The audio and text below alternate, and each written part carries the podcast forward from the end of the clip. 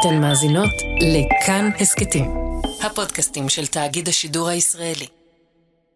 שלמה ארצי הוציא בגיל 47 את אלבומו ה-31. התעשייה סביבו פעלה השבוע היטב. בבתי החרושת ארזו עשרות אלפי עותקים מאלבומו החדש. כשאלבום שניים יצא ב-1996, שלמה ארצי היה כמובן אחד המוזיקאים הכי מצליחים בישראל, אם לא המצליח מכולם. אז כשהתחלנו לעבוד על הפרק הזה, לא הייתה שום בעיה למצוא כתבות, רעיונות וביקורות מאותה התקופה. שלמה ארצי מכר עד היום למעלה ממיליון תקליטים, שזה גם בקנה מידה ישראלי, זה משהו שבאמת לא ייאמן. התעשייה סביבו מפרנסת עשרות משפחות. בכל שנה הוא מייצא אלפי תקליטים לישראלים אכולי געגועים בניכר. וזה תמיד כיף לצלול לתוך הארכיון ולראות איך הדברים נראו פעם.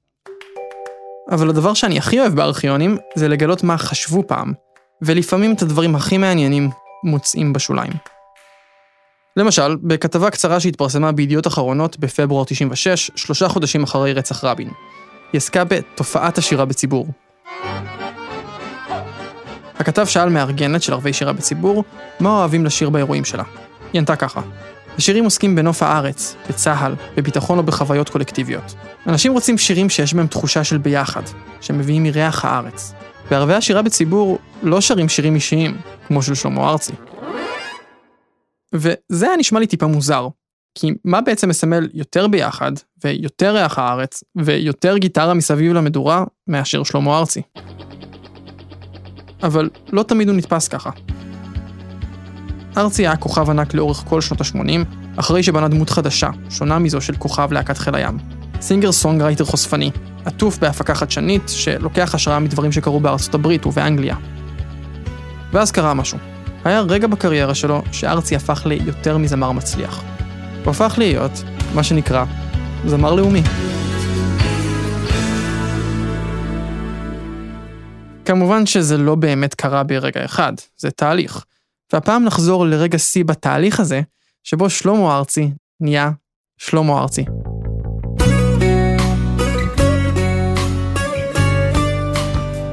אנשים שכותבים שירים באים מאיזה חסך.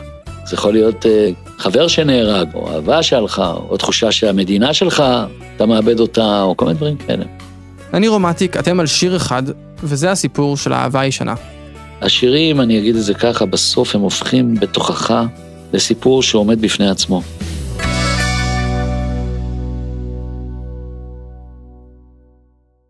לפעמים, אלבומים מצליחים יכולים להיות קצת בעיה. ולשלמה ארצי הייתה בעיה כזאת בתחילת שנות ה-90.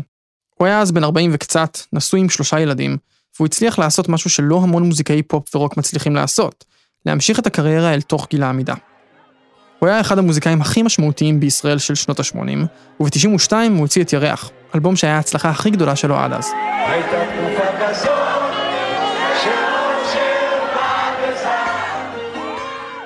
בשיר הנושא של האלבום, ארצי הביט אחורה, אל הימים בהם נאבק לקבל הכרה. מאז הוא כבר הפך לכוכב גדול, ובכל זאת, בכל אלבום הוא היה צריך להוכיח את עצמו מחדש. כל פעם אחרי אלבום שהצליח היה קשה נורא לעשות את האלבום הבא. כי ההוא, הקודם, האפיל עליו. כבר ירח היה שיר מפתח, והיה ברור שאני לא מסוגל לכתוב עוד אחד כזה. זה דברים שנורא העסיקו אותי, תמיד. לאפיין את עצמי מחדש כל פעם, לעשות ריסטארט, כן? ככה קוראים לזה אצלכם. אז איך עושים ריסטארט בגיל 43? ארצי תמיד אהב לעבוד עם שותפים, והוא גם ידע לבחור אותם. הוא עבד עם לואי להב, עם יהודה עדר, עם בכירי המפיקים והמוזיקאים. ועכשיו הוא חיפש את השותף הבא שלו.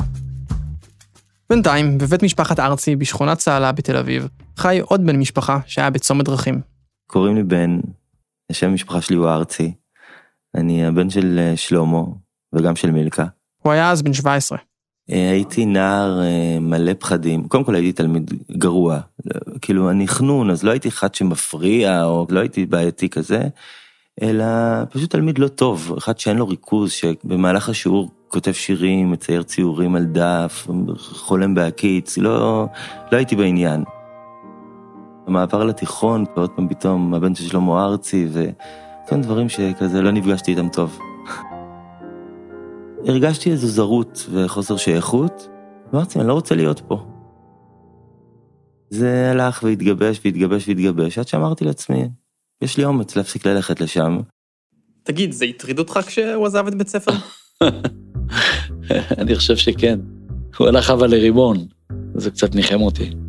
אה, הטריד אותי בטח, אבל זה היה בסוף רצונו כבודו.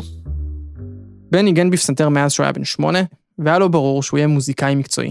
ידעתי את זה מאז שאני זוכר את עצמי, מאז שהתודעה שלי קיימת, זו באמת המהות שלי. בחצר אה, בבית שבו גדלתי היה מין חדר מוזיקה, שזה היה מין מחסן ששודרג לחדר העבודה של אבא שלי, ואני פשוט הייתי ככה נכנס וניגש לפסנתר ומנגן, ולאט לאט ניתן לנו איזה דינמיקה טבעית כזו, שהוא יושב שם וכותב, ואני ככה מלווה אותו ומצטרף. טוב, הוא היה מחונן כבר בגיל צעיר. אני לא מלומד, ולא הייתי מלומד במוזיקה. ואפילו אני בקושי יודע את שמות האקורדים. אז כבר הבנתי שאני יכול אה, להיעזר בצד ההרמוני שלו, בליינים שהוא מביא על הפסנתר. היה ברור שהוא, שהוא יוצא מהכלל, וזה היה שלב שהוא כבר עזר לי, אני נתקעתי קצת בשירים, למשל שיר כמו, כמו אז, בסך הכל את המבנה ההרמוני שלו, בן בן עשה, הוא ניגן לי קבוצה של אקורדים, ואז על זה אני אלתרתי את כמו אז. שם את נמצאת איתי,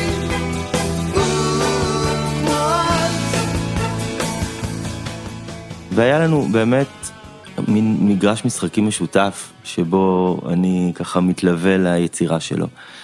ואז אה, אבא שלי אמר לי, תשמע, אני עושה אלבום חדש, וזה היה מאוד טבעי, שבאמת כבר הייתי כל כך שותף באופן לא רשמי, אבל שותף בתוך הדבר שלו, שהוא אמר לי, אולי אתה רוצה לבוא ובאופן רשמי להיות המעבד ולנגן, ואמרתי, בטח, מדהים. וככה השותפות הזאת הפכה לרשמית. בגיל 17, בן נבחר להיות המעבד של האלבום החדש של שלמה ארצי.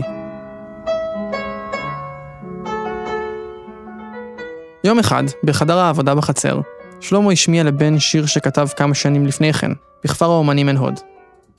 יש לי בית שם, ועמדתי לצאת. אפילו אני חושב שנעלתי את הבית. ואז השיר הזדמזם לי, יודע, משהו כזה.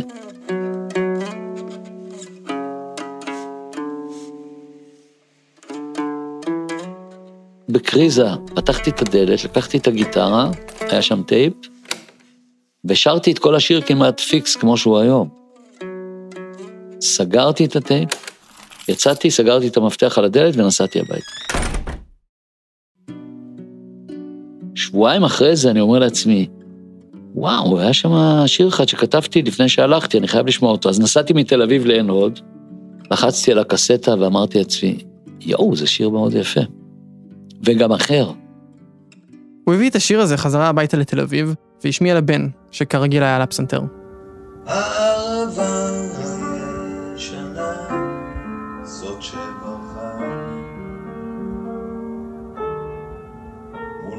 שם אחד כבר לא נוגע מזמן לזמן לפני כל הסרטים הפורנוגרפיים היה עוד משהו פשוט להתגעגע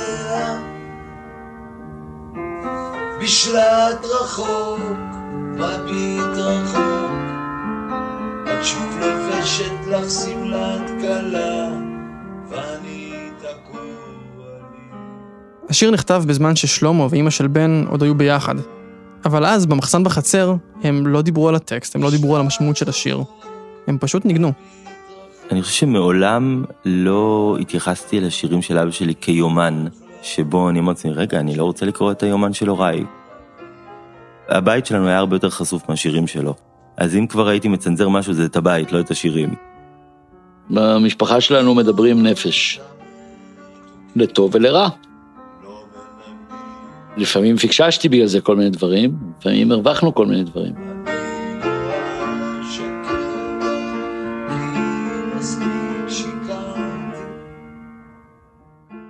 אם בן אדם שר, נניח אבא שלי שר לאימא שלי, בשיר אהבה ישנה, על משהו שעבד, או על געגוע למשהו שעבד, או על אדם שאומר, אני לא אניח לך ולא אניח לעצמי, עד שהאהבה ההיא שאני זוכר תחזור אלינו, זה דבר נורא אנושי.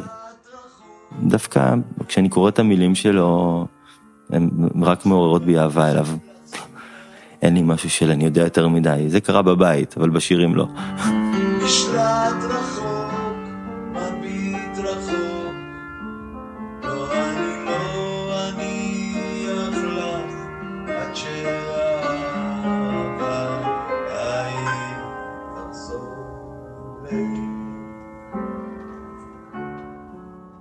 השיר נכתב על אימא של בן, תשמע, אני לא בטוח שזה היה אהבה לאישה. יכול להיות שזה היה אהבה לאהבה. למה שנקרא תחושת אהבה. שזה הרבה פעמים בחיים שלי עבד לי, והייתי צריך להחזיר את זה. נדמה לי שאהבה ישנה הוא שיר כזה. שאני נמצא שם באיזה ריק. לא, אז זה לא שיר על אמא שלו, אני חושב. מה אני יודע?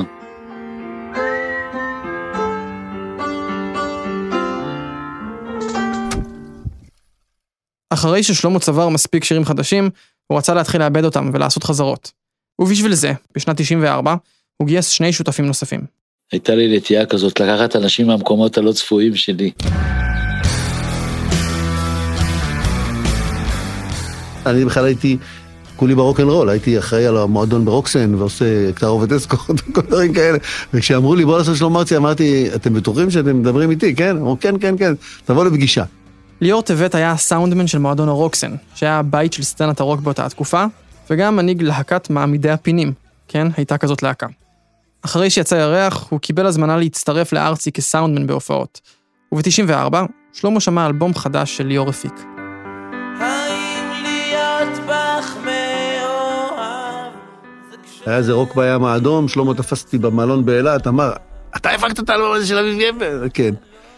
אני חייב לדבר איתך, בא אלינו לחדר במלון, דיבר, שאלתי אם זה מעניין אותי, אבל ברור שזה מעניין אותי, מה זאת אומרת? וככה ליאור טבת הצטרף לצוות של שלמה. באותה התקופה, במסגרת הניסיונות שלו לרענן את הלהקה, גיטריסט צעיר ולא מוכר תפס את תשומת הלב שלו. נעים מאוד. מוזיקאי ואומן בישראל, אבי סינגולדה. אני, איך אומרים שלמה מספר בפוד שלי, אני הייתי ילד בלי ריטלין, באמת, בלי ריטלין. אני היפראקטיבי ממש, והגיטרה זה מה שמרגיע אותי ועושה לי את החיים, מרגיע אותי. סתם, אני חייב, ראית שאני חייב לנגן, לא חייב להפסיק לנגן. אני מול אצבעות בחיים, אתם לא תנוחו. never. אם אריק קלפטון קוראים לו slow hand, אז סינגולדה הוא fast hand, הוא מהיר. סינגולדה היה אז בן 30 וקצת. וואו, אני ניגנתי לפני זה בכל מיני דברים, ניגנתי בשם טוב לוי, אריאל זילבר, דיטני, כל, כל מיני, ועשיתי גם מלא מחזות זמר. עשיתי עלובי החיים, אביטה וזה. שלמה שמע אותו במקרה, מנגן בחזרה לפני הופעה בסינרמה, והזמין אותו לפגישה. אמר לי, תקשיב, יש לי כבר שני גיטריסטים, אני לא צריך להיות גיטריסט. אז אני לא יודע, אולי או אקורדיון או אותך, אבל אני אחליט עם הזמן. אמרתי, בסדר. בסוף הוא לקח אותי, כאילו, והופענו, ההופעה הראשונה שלי הייתה בערד, הופעה שם איזה עשרים ומשהו אלף איש, הייתי בשוק. זיכרוני הראשון, יופייך אותי. וברור שאני הייתי גיטריסט ביישן, מפחד לעלות, עולה לבמה, אבל מנגן סולוים עם הגב לקהל. הוא אמר לי, לא, לא, לא, אתה מנגן לקהל, הוא היה מסובב אותי, נותן לי בעיטה, אמר, אתה יורד לקהל, אתה מנגן לשם, כאילו, סוג של אה, מורה דרך, ככה אתה צריך להופיע. סיבוב ההופעות הזה היה כמו טירונות בשבילו, ואחריו שלמה הציע לו להצטרף גם הוא לצוות ההפקה של האלבום. אז בנבחרת של שלמה היו סינגולדה, ליאור טבת ובן ארצי. שלושה מוזיקאים, די בתחילת הדרך, שמעולם לא יצרו אלבום בסדר הגודל של האלבום של שלמה ארצי. הם התחילו לעשות חזרות, ובשביל זה הם נסעו לקיבוץ יקום, רחוק מהלחץ של אולפני ההקלטות. זו הייתה תקופה, מה זה הזוי? היינו באים בשעה תשע בבוקר, זאת אומרת, היינו באים כל יום אחרי צהריים, אוכלים בקיבוץ, מכירים את החבר'ה וזה, קיבלנו בעצם איזה מין דירה, חדר לא אקוסטי, לא שום דבר. בקיבוץ זה מגניב, אתה משוחרר מכל התל אביביות, אתה כאילו נקה מהעולם. שלמה, אם אתה רוצה שהוא יהיה מבסוט מהחיים, אתה מוציא אותו בערב עם קסטה, לא יודע, קסטה, שנגיד יש בה 16 גרסאות של, אה, לא יודע מה, של שיר, והוא הולך כל הלילה, שומע את זה, חוזר בבוקר, ו... אז זה מה ש... כן, זה היה, זה היה יקום. ליאור וסינגולדה היו אמנם צעירים, אבל הם כבר צברו קילומטראז' כמוזיקאים, הם היו עם שלמה בהופעות ענק. בן לעומת זאת היה בסך הכל טינאייג'ר. אם זה היה מלחיץ, ממש לא היה מלחיץ להיכנס לתפקיד המעבד. למרות שיש בי גם המון חוסר ביטחון, יש בי גם ביטחון. אז להיות ליד הפסנתר זה מקום שאני מאוד מאוד מאוד אוהב, הוא מאוד בית בשבילי. אה, זה גם יוצר כל מיני מתחים. זה לא תמיד אה, עף והחליק, אלא היו גם רגעים אה, לא פשוטים של התווכחויות של אבא ובן, אתה יודע. בנים לא מתים על המרות של אבא שלהם, ואתה צריך למצוא את דרך הביניים בדיבור איתם. הייתי בתוך סביבה מצומצמת בהתחלה, היינו ארבעה אנשים, סביבה אוהדת, הרגשתי שיש לי מה לתת. זה היה טבעי כמו אהבה, כמו להתאהב.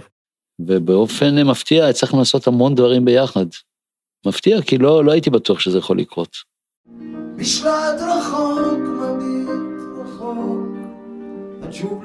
אהבה הישנה היה אחד השירים שהם הביאו לקיבוץ. זה פשוט חיפוש. מקליטים ובודקים ויש לו באמת את הפריבילגיה לעשות את זה, לא כל אחד יכול לעשות את זה כי זה תמיד גם קשור בגב כלכלי שנובע מההצלחה המסחרית שלו ואז אני לא יודע למה אבל זה במסגרת החיפוש הפכנו אותו לשש מיניות. טה טה טה טה טה טה טה טה טה טה טה טה טה טה טה לא אשקר לך שאצלי הכל בסדר. אין שום משהו הירואי כזה. גם יש שם line כינורות טה נה נה נה טה נה נה נה נה.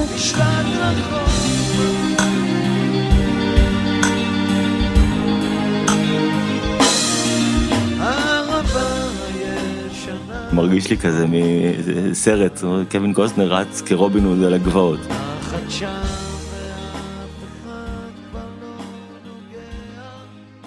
אחרי תקופת החזרות ביקום, הם נכנסו להקליט את השיר כמו שצריך באולפן. ועל הגרסה הזאת ליאור טבת עף.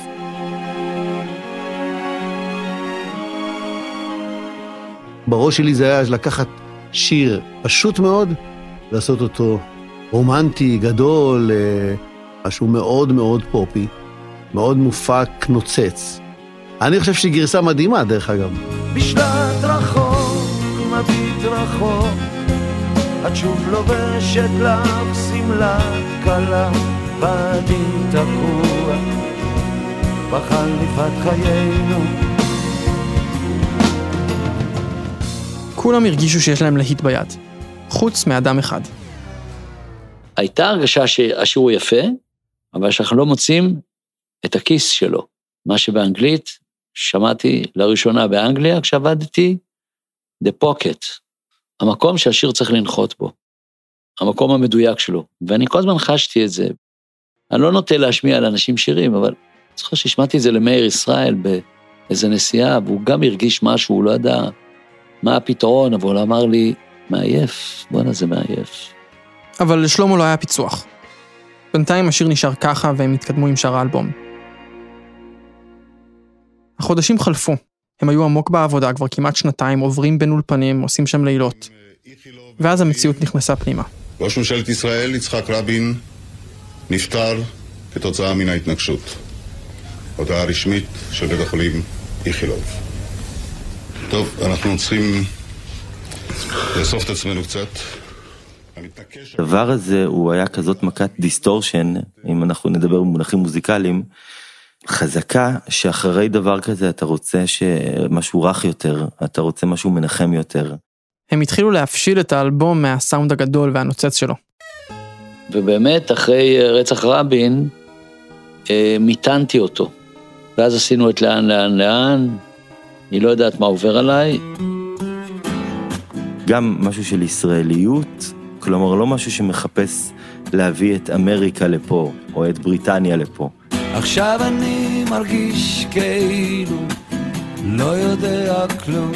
אלא משהו שמחפש את הצליל הישראלי, כי אני חושב שבעיקר אחרי הרצח, באמת אתה מרגיש עוד יותר זריקת ישראליות ושייכות למקום הזה. הסאונד של האלבום כולו השתנה בחודשים האחרונים של 95. והיה ברור שיש שיר אחד שלא משתלב שם. באהבה הישנה היה ברור שהכיס הראשוני לא היה מתאים. הוא עשה עוול לשיר, הוא לא נתן לו לפרוץ החוצה. הוא סגר עליו. אתה מבין? זה כאילו כיס שסגרו אותו מלמעלה. ואין לו את הכנפיים האלה להמריא. הם ידעו שכדי שהאהבה הישנה ייפול לכיס הנכון, הוא צריך מכנסיים אחרים לגמרי. והם התחילו בחיפוש. בשלב הזה גיל פלדמן, שניגן קלידים עם שלמה הרבה שנים, הצטרף גם הוא לצוות ההפקה. הייתה כל הזמן תחושה של סדנה בתוך העשייה הזאת. בוא נשמע, בוא נפתח את עצמנו לעוד דברים. אני חושב שבמהלך העבודה הזאת נחשפנו לבטח מעל 500 דיסקים שאם לא שלמה לא הייתי יודע עליהם לעולם. ביום אחד, סינגולדה ישב באולפן, וכרגיל שיחק בגיטרה. אני באופן כללי אוהב לקשקש. אני קשקשן. תן לי לשחק עם גיטרות, משחק, כל הזמן אוהב לקשקש, ולפעמים אני גם מפריע. ואחד הפעמים אני יושב באולפן, ואני לוקח גיטרה 12 מיתרים, ועושה... כאילו עושה משהו בסגנוני, ואני, סתם בא לי, ואני... הוא מהיר, הוא כל כך מהיר, שלפעמים הייתי אומר לו, וואלה, לפעמים אתה מנגד אלף צלילים, אבל אפילו לא מוצא אחד חשוב. אז תעצור לרגע, תן לי את הצליל החשוב. שלמה רוצה אומר, רגע, רגע, רגע, מה אתה עושה? מה זה, מה זה, מאיפה אתה יודע? אמרתי, סתם, משחק, לא, לא, לא, בוא נחזור על זה. הוא שואל את הטכנאי, הקלטת את זה? הוא אומר, כן. ואז סידרנו את זה, וזה נוצר.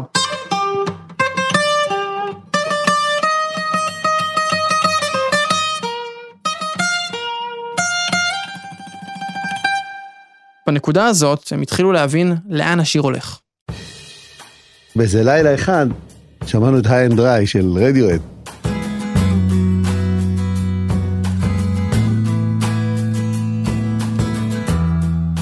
אני חושב שההשראה היא בעיקר מהתופים.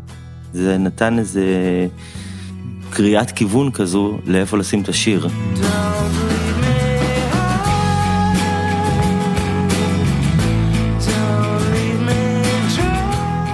התהליך הזה הוא תהליך הכי רגיל בשלמה ארצי, שהוא בא בבוקר ואומר, אולי נעיף את זה, אולי, אולי זה נוצץ מדי, אולי זה זה, אולי זה זה, בוא נעשה משהו בערב. אני אומר, לא יכול בערב, יש לי הופעה. לא מעניין אותי, אני עושה. פלדמן יבוא, בסדר, פלדמן יבוא. זה היה לילה, והם הקפיצו את המתופף מאיר ישראל לאולפן. הייתה בזה התרגשות. וחזרתי בבוקר והייתה גרסה אחרת לגמרי.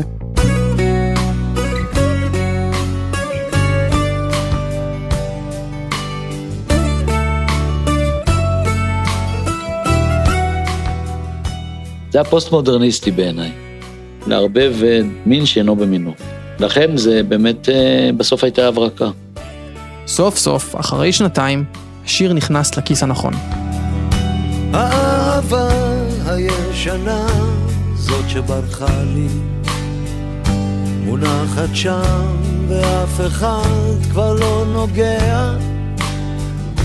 מזמן לפני כל הסרטים הפורנוגרפיים. האהבה הישנה יצא באלבום שניים, כמה חודשים אחרי רצח רבין. כשמתרחש אירוע בסדר הגודל הזה, כשמדינה עוברת טראומה כזאת, ברור שזה מחלחל עמוק גם לתוך המוזיקה ולתרבות. שניים היה אולי האלבום הכי מצליח של התקופה. ובישראל של 96, שיר על אהבה שנגמרת ועולם שמשתנה, הפך ללהיט ענק. בשורה הנביאים כבר מתו. אתה זוכר למי התכוונת? זה בטח הייתה הרגשה של ריק, אולי קצת דומה להיום, שלא היה מישהו שיגיד משהו, שאתה יכול ללכת אחריו, כמו משה רבנו כזה. אז היה מעבר בין הישראליות הישנה לבין האמריקניזציה. אני חושב שזה תמיד נמצא בהמון שירים שלי, המתח הזה בין האישי לחברתי, נניח בארץ חדשה, שהשירים חיים בין הפנים לחוץ. הוא שיר עם, יש בו משהו נונשלנטי, שהוא קצת תמיד מזכיר לי ככה מסביב למדורה, כאילו, יאללה, אתם מכירים את השיר? 1, 2, 3, יאללה, תנגנו.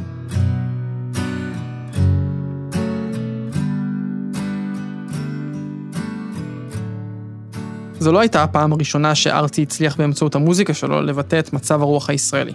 אבל כשזה קרה שוב ושוב, באופן כל כך עקבי, כבר היה ברור שארצי הפך לגדול יותר מעצמו. הוא פתאום נהפך למשהו שהוא רכוש של המדינה. זה שוב גיל פלדמן? הוא נהפך לנחלת הכלל. פתאום משהו שם הפך אותו לחלק מהנוף הישראלי, למשהו שאתה לא יכול לנתק. כשאתה אומר ישראל, אתה לא יכול לא להכניס בתוך זה את, את שלמה ארצי. האלבום יצא לתוך גל הפיגועים של תחילת 96. יום אחרי הפיגוע מחוץ לדיזינגוף סנטר בפורים של אותה השנה, ארצי הגיע להתארח בתוכנית לילה גוב ששודרה בערוץ 2. ואני חושב שזה די נדיר בעולם, כמות כזאת של פיגועים בכל כך מעט זמן. ועם כל זה וכל זה וכל זה, אני חושב שגם אה, בחיים הפרטיים שלנו הרבה פעמים נקלעים לקשיים. כן. אז החיים זה לא דף מספר ולא פרק אחד. עכשיו יש דף מספר לא טוב, אבל נחליף דף, נגיע לפרק הבא, ואני לא חושב שזה יישאר.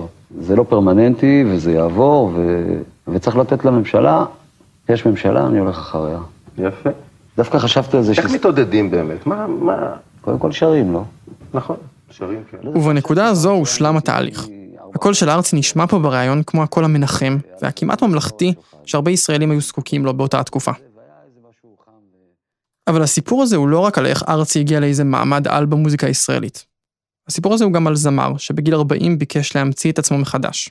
על הבן שלו, שבגיל 17 חיפש דרך משלו, ועל איך הם באו אחד לעזרת השני ברגע של צורך.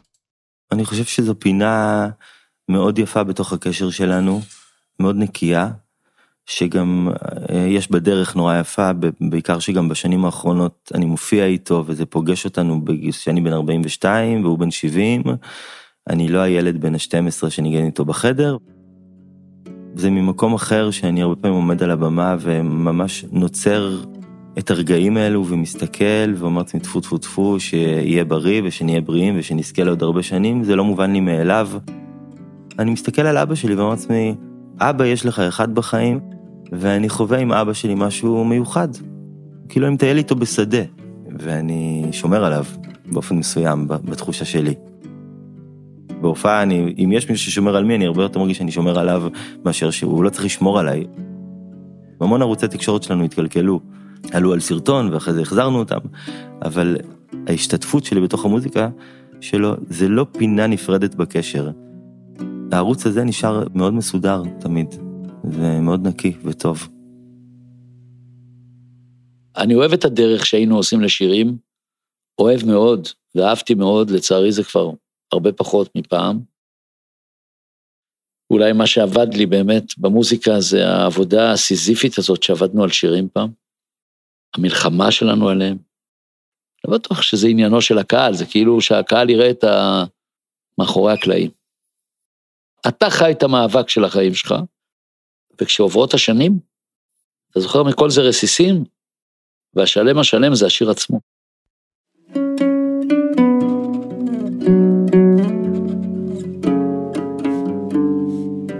אתם האזנתם לשיר אחד. אפשר להאזין לנו באתר כאן ובכל אפליקציות הפודקאסטים. את עיצוב הסאונד והמיקס עשה אסף רבפורט, מור סיוון הפיק את הקטעים המוזיקליים. תודה לירון שילון על הסקיצות מארכיון שלמה ארצי. תודה גם למתן אפרת על הקלטת התופים. אני הפקתי את הפרק יחד עם מאיה קוסובר. בצוות שלנו חברים גם ניר גורלי, אייל שינדלר ותומר מולביטזון.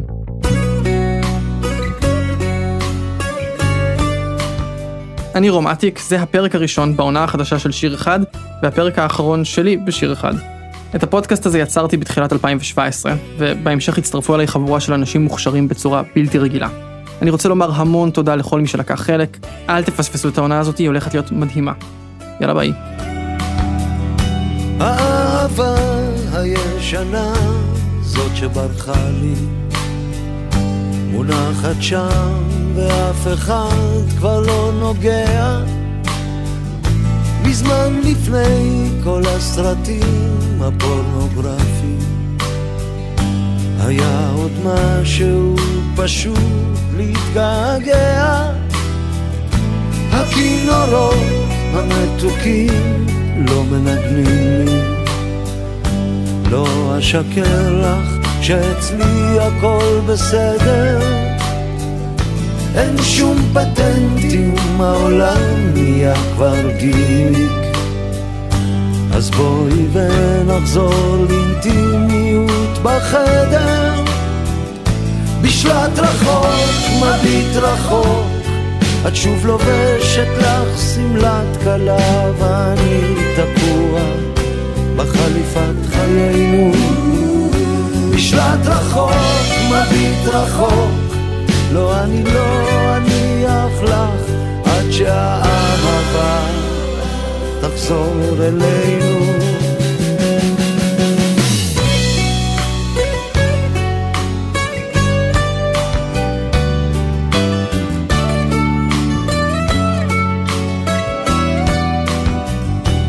את יודעת, לא הייתי שם לך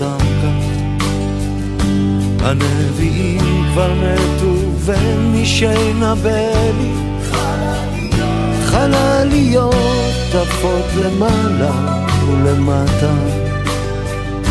פתאום זה שיר געגועים כמו שנדמה לי. בשלט רחוק, מביט רחוק את שוב לובשת לך שמלת כלה ואני תקוע בחליפת חיינו בשלט רחוק, מביט רחוק לא, אני לא אניח לך עד שהאהבה תחזור אלינו.